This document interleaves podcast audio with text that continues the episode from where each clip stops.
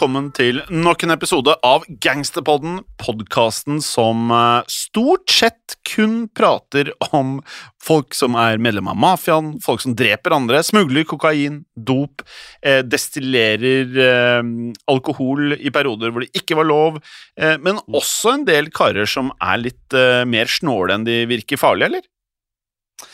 Ja, det er jo Det er jo som oftest eh, snålinger vi har med å gjøre.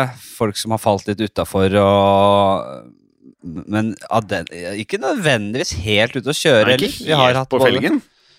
Nei, vi har hatt velkledde, oppegående folk eh, med her. Og så har vi hatt klin gale i kjøttur. Men sånn er det. Det er bredt spenn. Det er bredt spenn. Og, og mitt navn er jo som alltid Nevnte du ran? Ja. Ran nevnte du ikke. Ran, ja. Ran. Innbrudd eh, Ja. Altså, vi skal jo ha en episode om de Hæ? Innbrudd? Ja, kanskje noen Ja, innbrudd. ja. ja det, er, det er jo mange gangstere som har brøtet seg inn et og annet sted, vel? Tror du ikke? Jo da, jo da. Bare høres, høres så ufarlig ut. Innbrudd. Vi snakker om ran, og så sier du Å, innbrudd! Jo, jo da, for så vidt. Men eh, som vi alltid kjent stil eh, sier, mitt navn er Jim Fosheim, og du er jo da denne eh, standup-komikeren ved navnet Henrik Fladseth. Det stemmer. Ja. Det stemmer. Og Kan jeg, jeg- kan er i et ganske godt humør. Ja, du er i ganske godt humør. Du, Mm. du, eh, du nevnte jo at du skal spise fisk i dag. Jeg, jeg er eh, Abbor, var det det? jeg, jeg, jeg er litt eh, blitt gått litt over på den litt italienske, Ja. sicilianske, deilig. sø, eh, sydhavske måten å leve på. Det er noe Mm. når du finner en god råvare, for, som f.eks. havabboren. da. Ja. Vel å merke så var den ikke vill, det var en oppdrettshavabbor som var på meny. Men da fant jeg den, Startet med råvaren, og så litt sånn enkle eh, ja, Si kortreiste råvarer rundt. Da. Eller bare litt enkel potet, sitron, Mm. olivenolje, salt og pepper og noe, noe timian der. Og så og ovnsteke hele dritten. Oh. Så med huet og alt. Tenk deg hvor mange gangstere som har spist noe sånn som det der. Ja, det er akkurat det. Og det ble jeg litt inspirert av i dag. At jeg tenkte jeg skulle eh, spise som, eh, som gutta boys gjør. Altså, du blir mer og mer eh, Altså, du blir jo som en mafia, du. For hver uke. Bare vent, Jim. Det er ikke lenge til jeg kommer med sånne former med pastaretter uh, i studio der. Sånne svære pastaformer. Altså, Jeg vil gjerne at du skal lage ziti til meg. Ziti. Det er det hun derre søsteren til eh, Eller han derre Du husker Bacala i Sopranos? Ja. Kona til Bacala lagde veldig mye ziti. Uansett, uh, Flatseth, hvilken Ja, vi- periode skal vi til nå i dag? Ja, vi skal jo til en uh, glansalder i mafiaen som vi snakket om nå, men dette her er jo Vi skal ikke til verken USA eller Italia eller noe. Vi skal faktisk eh, til eh, Australia. Ja. Der har det også vært uh, klin gale typer, skal jeg si, det, eh, si dere. Der er jo, det er jo en gammel eh, altså, øy for fanger, egentlig, så man skulle jo tro at det har vært litt haraball der opp igjennom. Vi skal nå snakke om The Racer Gang Wars, Mhm. eh, som herjet i Sydney. Eh, Sydney eh, på slutten av eh, 1920-tallet, som sagt. Eh, og krigen den sto hovedsakelig mellom tre parter. Den første eh, parten var en mann ved navn Phil Jeffs. Oi. Kallenavn? Kallenavn? The Jew. Oi, oi, oi. Ja. Og de to andre partene i denne krigen var eh, to kvinner, altså skikkelig gangstere, de også, selvfølgelig, eh, som skulle bli godt kjent for eh, Det var jo store konflikter, dette her, eh, og de hadde konflikter seg imellom. For den ene var en eh, leder for et eh, syndikat, og hun het da Tilly Divine, som også ble kalt The Queen of Wooloo Altså området i Sydney ved navnet Wooloo Eller Wooloo Ja, helt ut, jeg, kan, utrolig jeg kan si at det er én, 1, tre, 2, 3, 4 Altså det er, åtte ord i stedsnavnet Wooloo Ja, man skulle jo tro at ingen ble tatt seriøst som bodde i Volo Molo, men uh, det var faktisk folk som ble tatt seriøst der. Uh, Ja, det gikk ikke veldig fjolte område. Ja. Veldig fjolte navn på det Ja. området. Det kan vi si. Den andre kvinnen var Kate Lee. Uh, også hun med et dronningkallenavn, selvfølgelig. Det er veldig få gangsterdamer som ikke har noe med dronning i kallenavnet å gjøre. Hun ble kalt The Sly Grog Queen. Oi. Og, og, men mange valgte også å kalle henne for The Worst Woman in Sydney. Så det sier litt om hva vi har med å gjøre her. Eh, andre igjen så jo Kate Lee som en helt. Eh, så dette var en dame som skapte splid og, og skarpe, sterke meninger blant folk. Hun holdt til i Surrey Hills, eh, et eh, hva kan vi si, fattig, ja, et fattig område, eh, nabolag i Sydney. Ja, veldig fattig. Eh, og vi tenker jo å ta selve bakgrunnen for eh, krigen her aller først, så vi introduserer de tre partene her ordentlig ehm, etter det igjen. Og grunnen til at dette kalles The Racer Gang Wars, er på grunn av noe som da kalles The Pistol Licensing Act. Og nå hører vi til historien at delstaten New South Wales i Australia, som da omfatter blant annet Sydney, satte inn kraftige reguleringer på skytevåpen i 1927. Blant annet så ble det da straffbart å bære håndvåpen. Ja. Det er jo ikke særlig rått når du er, eh, når du er kriminell. Det er jo Du vil en ha forlengelse, av ar en forlengelse av armen, som jeg pleier å si. Men eh, Eh, jeg, jeg har faktisk da hørt på en episode av uh, Joe Rogan uh, hvor de hatt en, uh, han hatt en britisk rapper der en gang som fortalte at grunnen til at det er så mye knivstikking i London, er at det angivelig er lov å bære kniv, men ulovlig å bære skytevåpen. Nettopp. Mm. Nesten bedre å bare la de skyte. Kniv er et grusomt våpen å få i seg. Det er voldsomt. Uff a meg. Eh, og dette, dette, dette forbudet det førte jo til at eh, kriminelle gjenger i, i, i Sydney også, da, som i London, eh, så seg etter, eh, så seg etter andre våpen. Og da falt valget på, som vi også har vært inne på, jeg tror det var forrige episode, jeg, skarpe barberkniver, barberblader. Ja. Og det jævligste du kan få i kroppen. Ja, det er voldsomt. Forferdelig våpen. Ja. Grusomt. Ja, det snitter opp huden og kjøttet ditt. Ja, Vi var jo som sagt da Vi var inne på dette øh, forrige episode da vi snakket om uh, britiske gjenger ja, som brukte barberkniver, også da tidlig eller rundt 1920-tallet.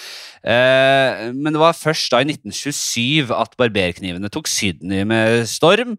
Det ble et svært vanlig våpen blant ja, de fleste kriminelle gjenger, Jimmy. Jimmy. Det som var veldig greit med barberblader, um, Fladseth, var jo ikke bare var det et effektivt våpen, men det var utrolig lett å få tak i, som man selvfølgelig forstår, og det var også veldig lett å skjule i klærne. Som vi pratet om i tidligere episoder her med Peaky Blinders-serien, så ser man jo at uh, barberblader er en fremtredende del av handlingen, faktisk. At de har det i disse her sixpence, de der breimene foran på lua der. Um, og det hører med til historien også at politiet de konfiskerte faktisk uh, en god del uh, barberblader. Uh, veldig nøyaktig tall er det vi har lett oss frem til, som er 66 stykk fra folk på gaten i en tremånedersperiode, så sent som i 1927. Og i, Ja, ja. Det var jo ut fra en rapport, en politirapport Ja. eh, der det kom fram seg at det var eh, såpass mange eh, blader på tre måneder. Da. Men, men så hører det med til Flatseth at jeg syns 66 barberblader for meg ikke, Det høres ikke så mye ut sånn egentlig. Nei, jeg er enig. Vi, vil, vi er jo stormannsgalla her. Vi vil jo alltid ha flere hundre tusen drap og masse konfiskerte greier, men vi får det ikke, Jim. Det Nei, er vi virkeligheten, det. Nei. Men, eh, men i motsetning til um, barberblader som, um, og barberhøvler, som er vanlig i dag, så var uh, barberkniver, altså sånne lange, hvis du skjønner hva jeg mener, de der gammeldagse som du dytter inn i skaftet, vet du.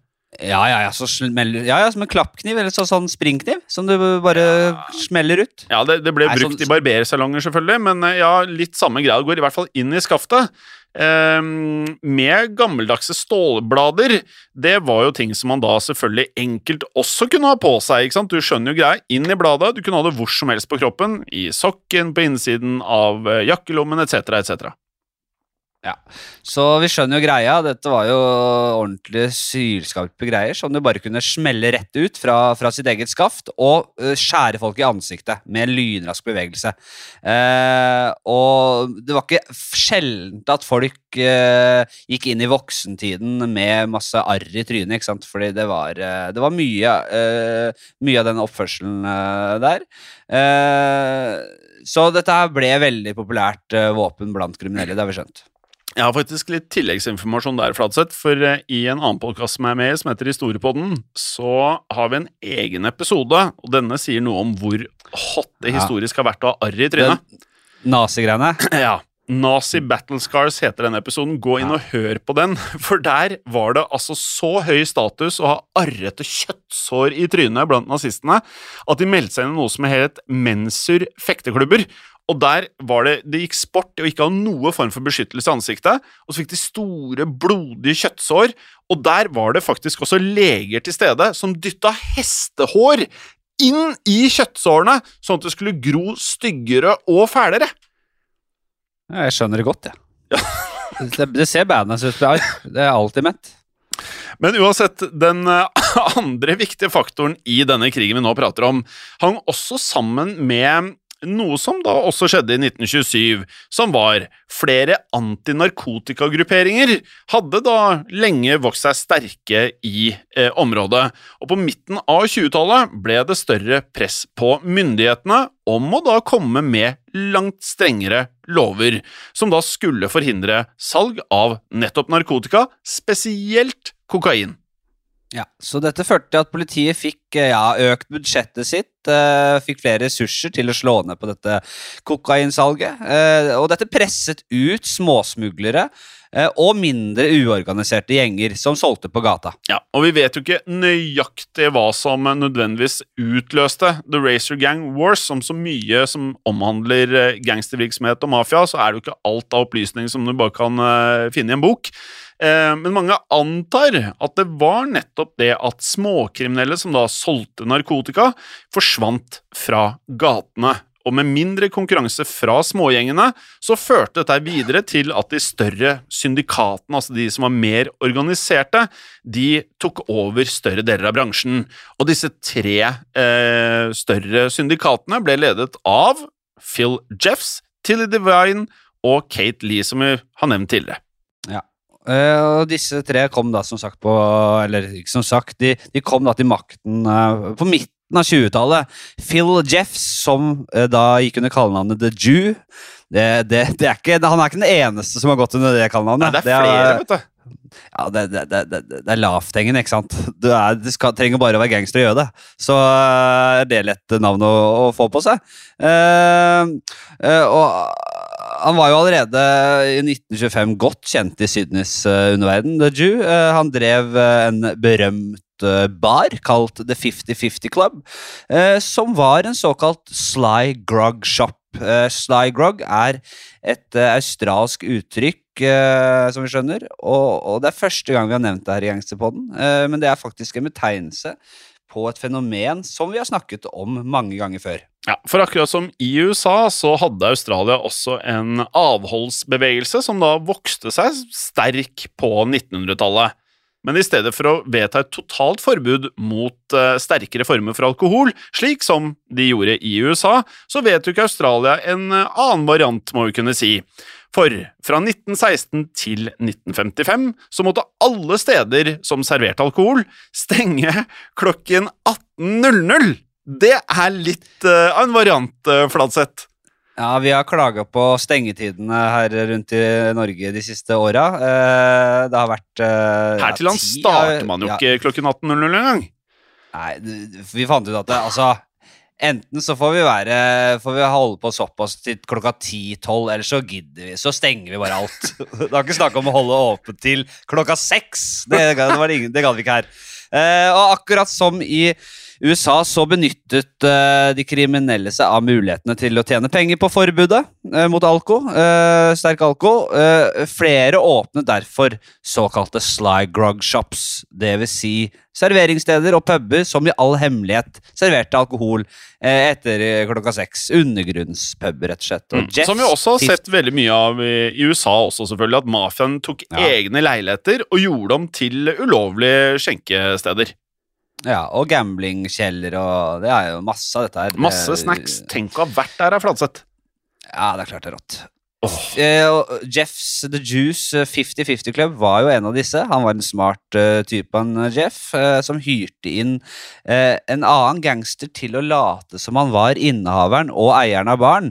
Eh, og mens denne skuespilleren spilte rollen som sjefen, så lot eh, Jeff som han var en sikkerhetsvakt. Så han snudde bare om på rollene for å uh, slippe unna the heat. Uh, så nå, hvis noen skulle komme og, og, og- snuse innom der, så ville ingen mistenke han. Meget smart. Er veldig smart, men i tillegg til å være smart, eh, Flatseth, så var han også en eh, ganske hard fyr. Ja, han var det. Eh, han ble også kjent for å være brutal, og han var visstnok en kløpper til å bruke nevnte barberblader og barberkniv. Så han, det her er ikke en fyr du ønsket å møte på på noen som helst måte. Uh, og på 1920-tallet så ble han regnet, uh, etter hva vi forstår, som en av de aller tøffeste og hardeste gutta på gata. Eh, som da rett og slett ikke ville nøle eh, om du kom opp i ansiktet hans eh, og han ikke likte deg, rett og slett. Og i løpet av denne tiden så kastet han seg også på den eh, eh, sterkt voksne, må vi kunne si, kokainindustrien. Eh, og i løpet av tiåret så klatret han seg til en posisjon som en av områdets aller største kokainhandlere. Ja, Han ble en mektig fyr, eh, men han hadde også noen mektige konkurrenter her, som vi skjønner. Det var eh, disse to andre krimsyndikatene da i Sydney, som ble ledet av eh, to kvinner, som vi har skjønt, som da førte knallhard kamp eh, mot hverandre. Eh, den første vi eh, introduserte, er jo denne Tilly Divine. Altså The Queen of Woolloomooloo. Uh, Det er Queen of Molo, ja. Eh, og egentlig så heter hun jo Matilda Mary Twistevine. Ja. Og er eh, født i London, faktisk. Eh, under første verdenskrig så møtte hun en austr australsk kriminell som hadde blitt sendt til London i militærtjeneste, og de forelska seg, og hun ble han, med han da tilbake til Australia. Så det, sånn er den eh, Ja. historien. Men han fyren som du beskriver her, um, han var jo da en fyr som livnærte seg av kriminalitet. Litt sånn småsaker her og der, blant annet ved å drive litt business på veddeløpsbanen.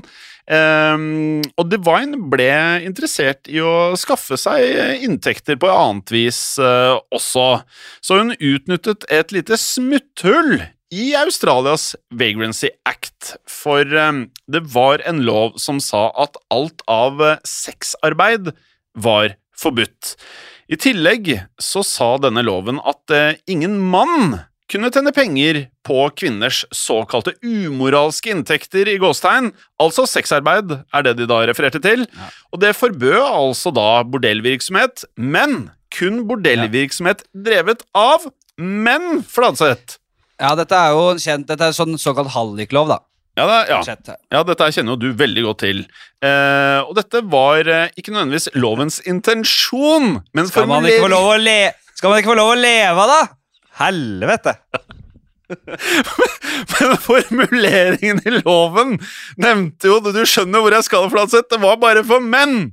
Eh, og Ja. det betydde da at det teknisk sett var fullstendig lovlig for kvinner å drive bordellvirksomhet. Ja, og dette har vi sett uh, mange, gang. mange ganger. Ja da. For, og, og dette smutthullet det benyttet jo Divine uh, seg av, selvfølgelig. Hun åpnet sitt første bordell i 1920, og innen 1925 så hadde hun også slått seg stort opp, uh, som forrige mann eh, vi snakket om.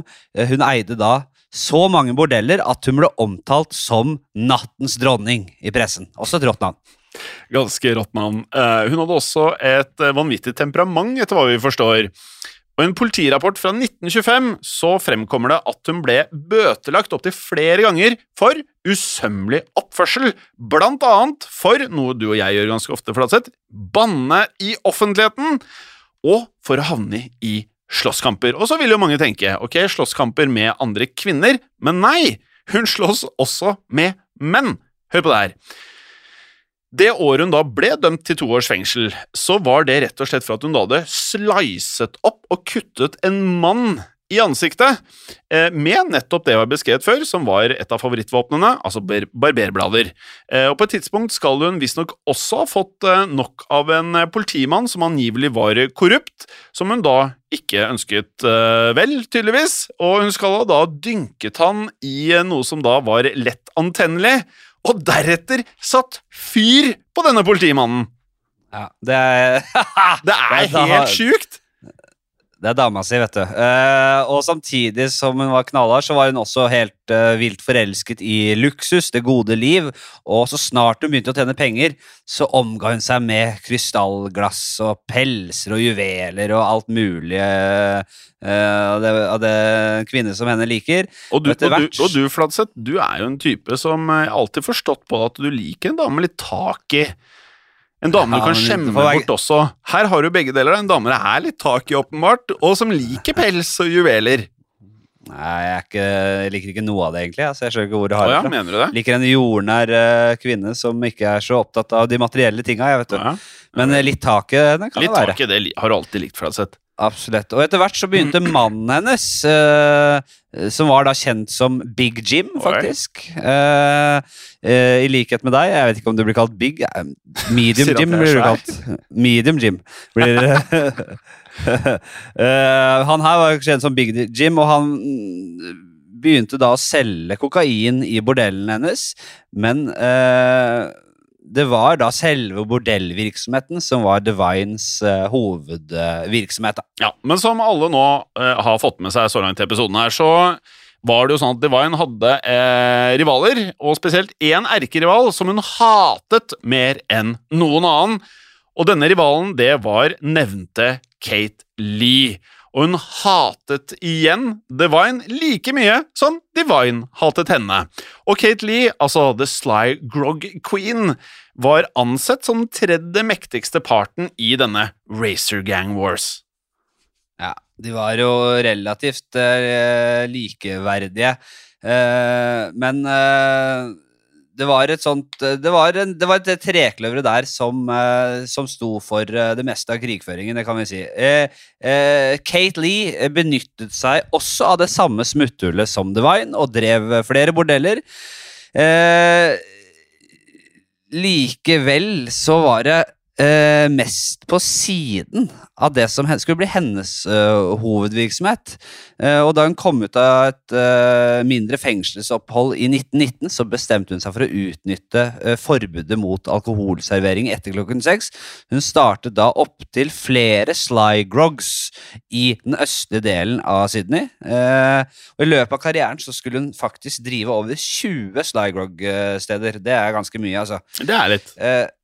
Eh. Og noen av disse var eh, fine barer, der eh, det vanket eh, forretningsmenn og politikere. Eh, andre så egentlig bare ut som vanlige butikker, eh, der man kunne kjøpe med seg øl og vin og, og sprit i, i, i skjul. Ja, og etter hva vi har forstått, når man da var på et slik sånn herre Altså Lay sine Slygrog-steder, så visste en at eh, man fikk eh, de ordentlige varene, Fladseth, og det hadde jo vi likt. Vi orker jo ikke ha noe rør. Ehm, for her var det ikke bare hjemmebrent, altså. Li hun gjorde avtaler med bryggerier for å få ekstra leveranser av ordentlig kvalitetsdrikke, som tilfeldigvis hadde alkohol i seg. Eh, og på denne måten så skaffet hun seg et eh, Ja, hun fikk jo et vanvittig godt rykte i de riktige miljøene, og utover 20-tallet ble hun eh, Sydneys største slygrogger. Og det var da hoved, eh, hovedgreia hennes, uh, med da bordellvirksomhet på siden. Uh, men da Slygrog-stedene som var hennes største inntektskilde. Men utover eh, 20-tallet så ekspanderte hun også til, til å begynne å handle med tyvegods. Eh, og så var det salg av kokain og opium, ikke sant. Og samtidig så var jo dette hatet, dette voldsomme det voldsomt hatet til ja, til Tilly Divine. Eh, uten at noen helt vet hva som utløste dette hatet. De var jo uh, mer enn bare konkurrenter her. Det, her lå det noe Det personlig. var nok Men ingen vet vet Fladseth. Ja, det, men det er her vi vet ikke helt nøyaktig hva som trigget dette. her. Det finner vi ikke. Men uh, Lee Divine og Jeff var altså konkurrenter, og Jeffs og Kate de drev jo begge med Slygrog og også kokain. Og Lee og Divine, de, som du nevnte, Flatseth, de hatet hverandre. Men som vi vet, mye som omhandler gangstervirksomhet og mafiavirksomhet, handler om business. Men vi skulle legge dette rivaleriet til side, for det kom en annen gangster ved navn Norman Brun, som nå startet opp i Sydney. Og Brun han var en gjengleder som da hadde kommet fra Melbourne. Og eh, dette her var en av de første gjengene etter hva vi forstår, som aktivt begynte å bruke disse barberbladene og barberknivene i eh, slåssing. Pionerer. Pionerer. Ja, er voldsomt pionerer. Slik at eh, om eh, ved nattestider så gikk Brunn og gjengen hans gjennom gatene og truet blant annet prostituerte og eierne av disse Sly Grog-bulene med nettopp disse barberknivene. Og når vi pratet mye om barberkniver, må skjønne at det er en gjenganger. Det var en viktig eh, del av kulturen. Eh, og når de gjorde dette, her, så var de meget brutale. Eh, dersom man ikke betalte dem, så ble man da skåret i ansiktet med disse knivene. Ja, Så nå opplevde Sydney en bølge av eh, rett og slett brutale ran og utpressinger, og avisene kunne fortelle at flere og flere nå dukket opp på legevakten med lange, ekle sår i, i trynet. Og Sommeren 1927 begynte Brunn og, og gjengen hans å presse kokainselgere på gata. Eh, rett og slett, de, de truet da selgerne til å betale dem en viss andel av profitten. Hvem var det denne fyren trodde han var? Ja, hvem trodde han var? Men jeg, nå må jeg legge til en liten tilleggsopplysning her, Flatseth, for du vet jo sikkert at jeg har studert i Glasgow i fire år. Ja. Og i Glasgow så er det litt hardere enn i Oslo. Og der var det noe For vi begynte å legge merke til at veldig mange hadde arr fra munnvikene og oppover ansiktet, ganske høyt opp. Ja, som han ene skuespilleren som spiller i Sons of Anarchy. Hva heter Ja. han igjen? Ja, helt riktig, men han har eh, arr i overalt i trynet. Så han, han Ja, men har han, han har sånn, han har sånn The Joker-arr. øh, Ikke bare i den rollen i Sans, men øh, i, har, i virkeligheten. meg, har, har du bodd i Glasgow? Nei, nei, Nei, nei, det, Fortell. men- Hvorfor har de det? Ja, Hvorfor har de det? Han er jo han er skotte, han er fyren der. Ja, er, han er det. Eh, og det er helt riktig det du sier, for jeg har også googla det etter jeg så eh, Gladiatoren. Eh, hvor han er med, og, og man ser det tydelig. Men i hvert fall så snittet folk da opp med barberkniver eh, et smil fra munnvikene til folk, og høyt opp på ansiktet. Eh, og så slo de folk i magen helt til de måtte skrike, og så snittet da hele ansiktet opp, så du fikk svære kutt i hele ansiktet. Og så må du på legevakten da sy det igjen, og så får du sånne ville arr hvor det ser ut som at du er joker, liksom. da. Du får forlenget smil. Ja. Og dette ble kalt, og blir den dag i dag kalt, for The Glasgow Smile. Eh, og vi så kids helt nede i tiårsalderen som gikk rundt med dette her. da. Det er jo ja, utrolig gode digresjoner, faktisk. Og helt sinnssykt opplegg, da. Sinnssykt opplegg. Bare vent til vi har Vi skal episoder fra tilbake, Glasgow. vi skal tilbake til Australia. Ja, for uh, disse her selgerne da, som du nevnte, og uh, resten av ofrene i disse gjengene, de jobbet jo i stor grad for disse krimsyndikatene som nevnt, altså de som var ledet av nettopp Jeffs, Lee og Divine. Og som vi vet, var jo ikke alle disse her som var gode venner, men nå fikk de da plutselig en annen fiende. Så disse tre ønsket jo da selvsagt eh, ikke at Brun skulle få et ordentlig rotfeste her, eh, og det var jo forankret i profitter, som det alltid er i disse episodene våre. Slik at den 22. juni 1927 så ble Brun omsider skutt og drept på åpen gate. Og så hører vi til historien at ingen vet, og det her er jo ofte sånn det også er i gangsterbåten, er ingen som vet helt hvem som skjøt Brun. Men mange mener, lite overraskende, at det var en ordre som kom fra en av de tre store, altså enten fra Jeffs, Lee eller Divine. Ja. Så Brønn var nå ute av veien, men eh, da var det tilbake til at rivaliseringen i byen eh, igjen bare økte og økte. I 1928 så kunne avisene fortelle om eh, ja, stadig flere sammenstøt mellom rivaliserende gjenger, men det var først i 1929 eh, at de tre krimsyndikatlederne kastet seg ut i full krig med hverandre, for virkelig for, på alvor nå. Den 7. mai 1929 så havnet Phil Jeffs midt i det som kalles The Battle of Blood Alley. Åh, og det er helt riktig, det, for eh, Jeffs han hadde nemlig gjort en eh, hel del av uh, Sydneys kokainlangere relativt forbanna. Han hadde nemlig solgt dem ja, altså laster med varer eh, som han da påsto var ren kokain, og tatt seg meget godt betalt for dette. her, Og nå skjønner jo lytterne hvor vi skal hen. Men i virkeligheten så var dette angivelig kokainet blandet ut med borsyre, eh, som da ligner mye på konsistens og utseende med kokain.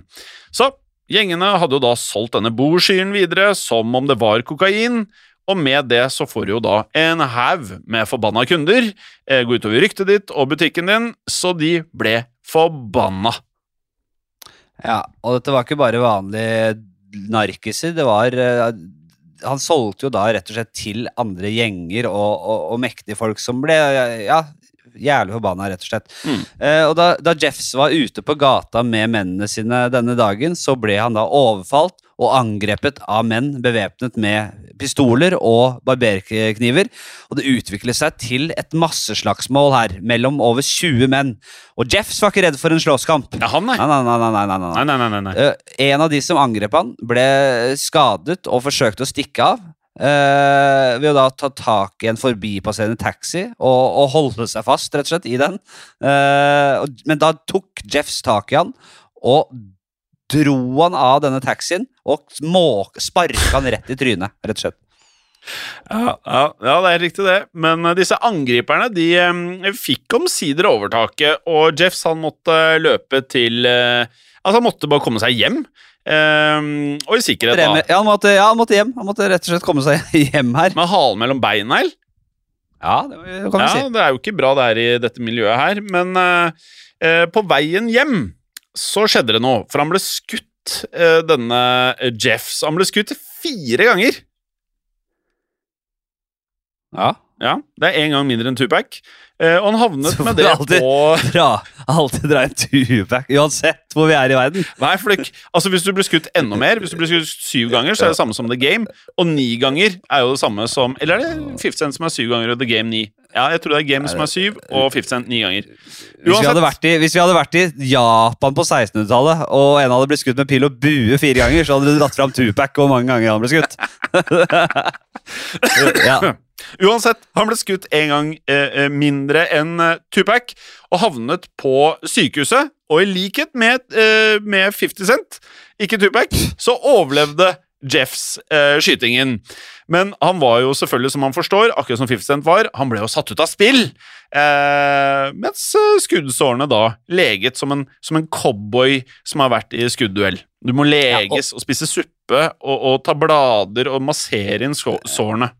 Ja, og, og, og dette betydde jo da at Lee og Divine kunne fokusere fullt på hverandre. Ja. Eh, og, og dette hatet de hadde seg imellom, det havnet jo til og med i avisene.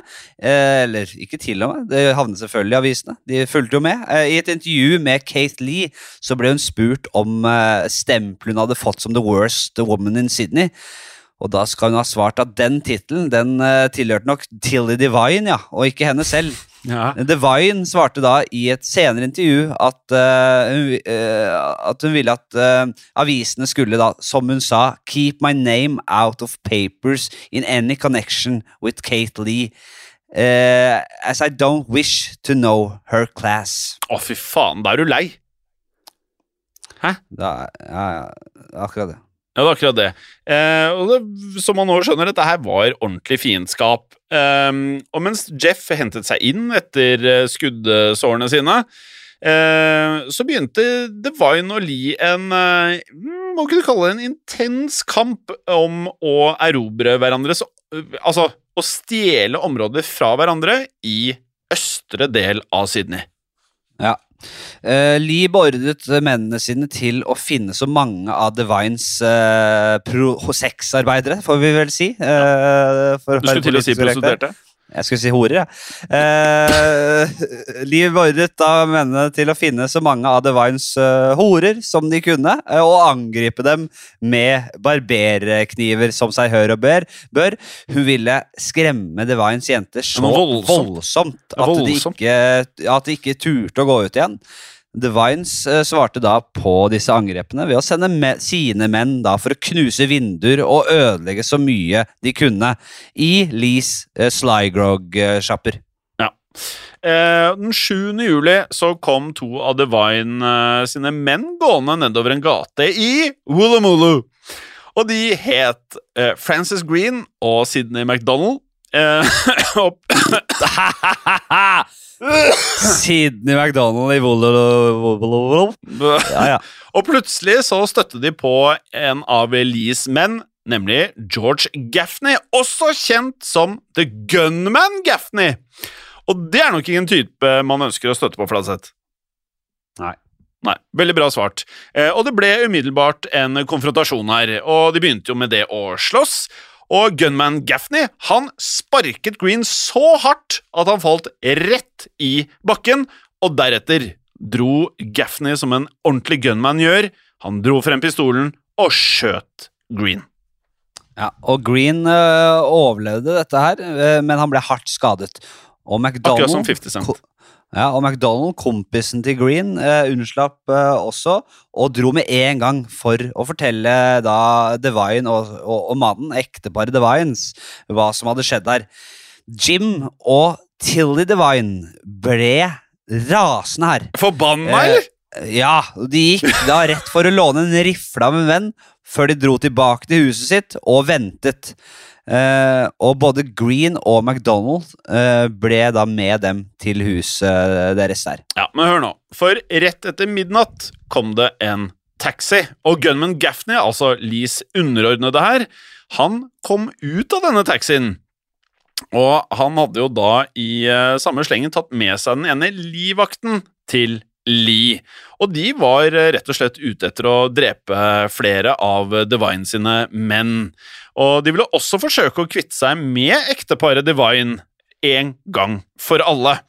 Men det de ikke visste, var at ekteparet Divine faktisk ventet på gunman Gaffney og livvakten til Lee. Så når de da klatret over gjerdet og inn bakgården til huset til Divine-ekteparet, så var det sånn da at eh, Jim Divine og McDonald de kom seg ut på verandaen med, med etter hva vi forstår, en rifle eh, eh, pekende mot disse folka.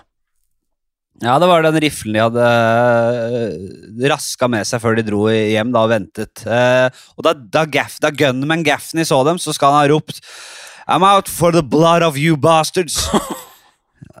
det er jo selvfølgelig ikke sånn han sa det, men Ja, det var jo I'm out of the blood of you bastards! Ja, det er noe sånt. Det var nærmest jeg kom på stående fot, på, men det, det ble sånn. Eh, Jim, I'm out of the blood of you bastards. Det, Jim Devine han ble ikke skremt i det hele tatt, han. Uh, I stedet så åpna han ild. Han skjøt Gaffney flere ganger, måka til, og Lees, livvakt, som da var med Gaffney, eh, forsvant mens da Gaffney ble liggende i denne bakgården.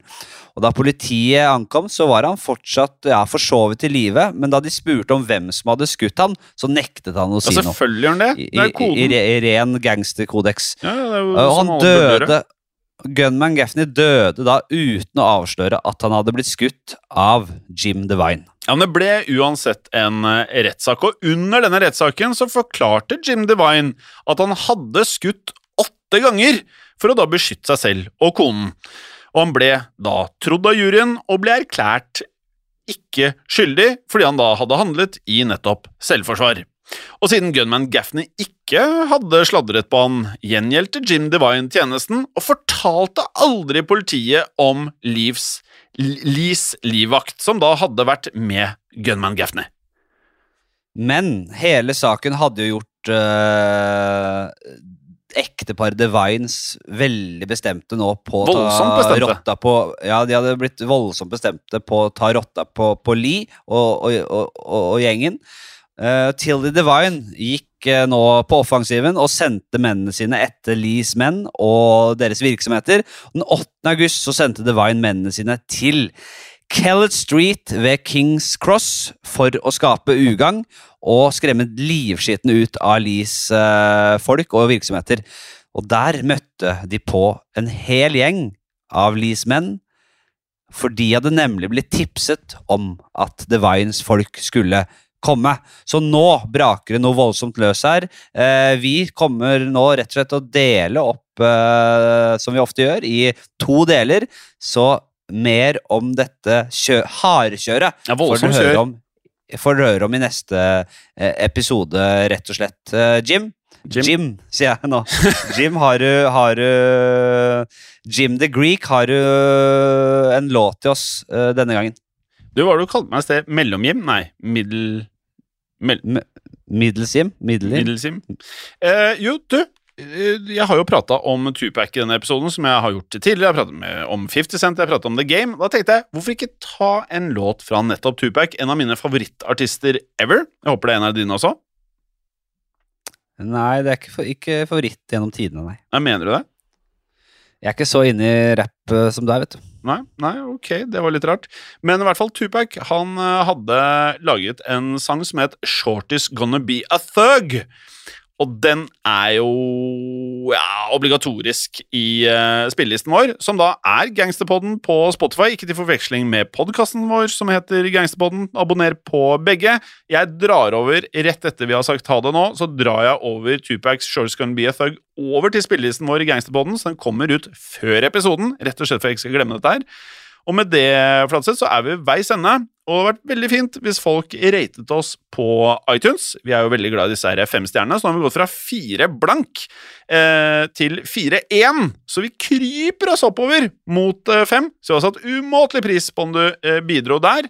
Um, og så kan dere følge oss på Instagram og Facebook, der vi heter Gangsterpodden, og bli gjerne med i Facebook-gruppen vår som heter Historie for alle. Så skal dere selvfølgelig få høre mer om The Razor Gang Wars neste uke, med mindre dere har falt på badegulvet og snitta dere opp med noen barberkniver. Driter dere loddrett ut der, altså. Og har dere ikke det, så kan dere holde gangster. Ha det bra! Ha det.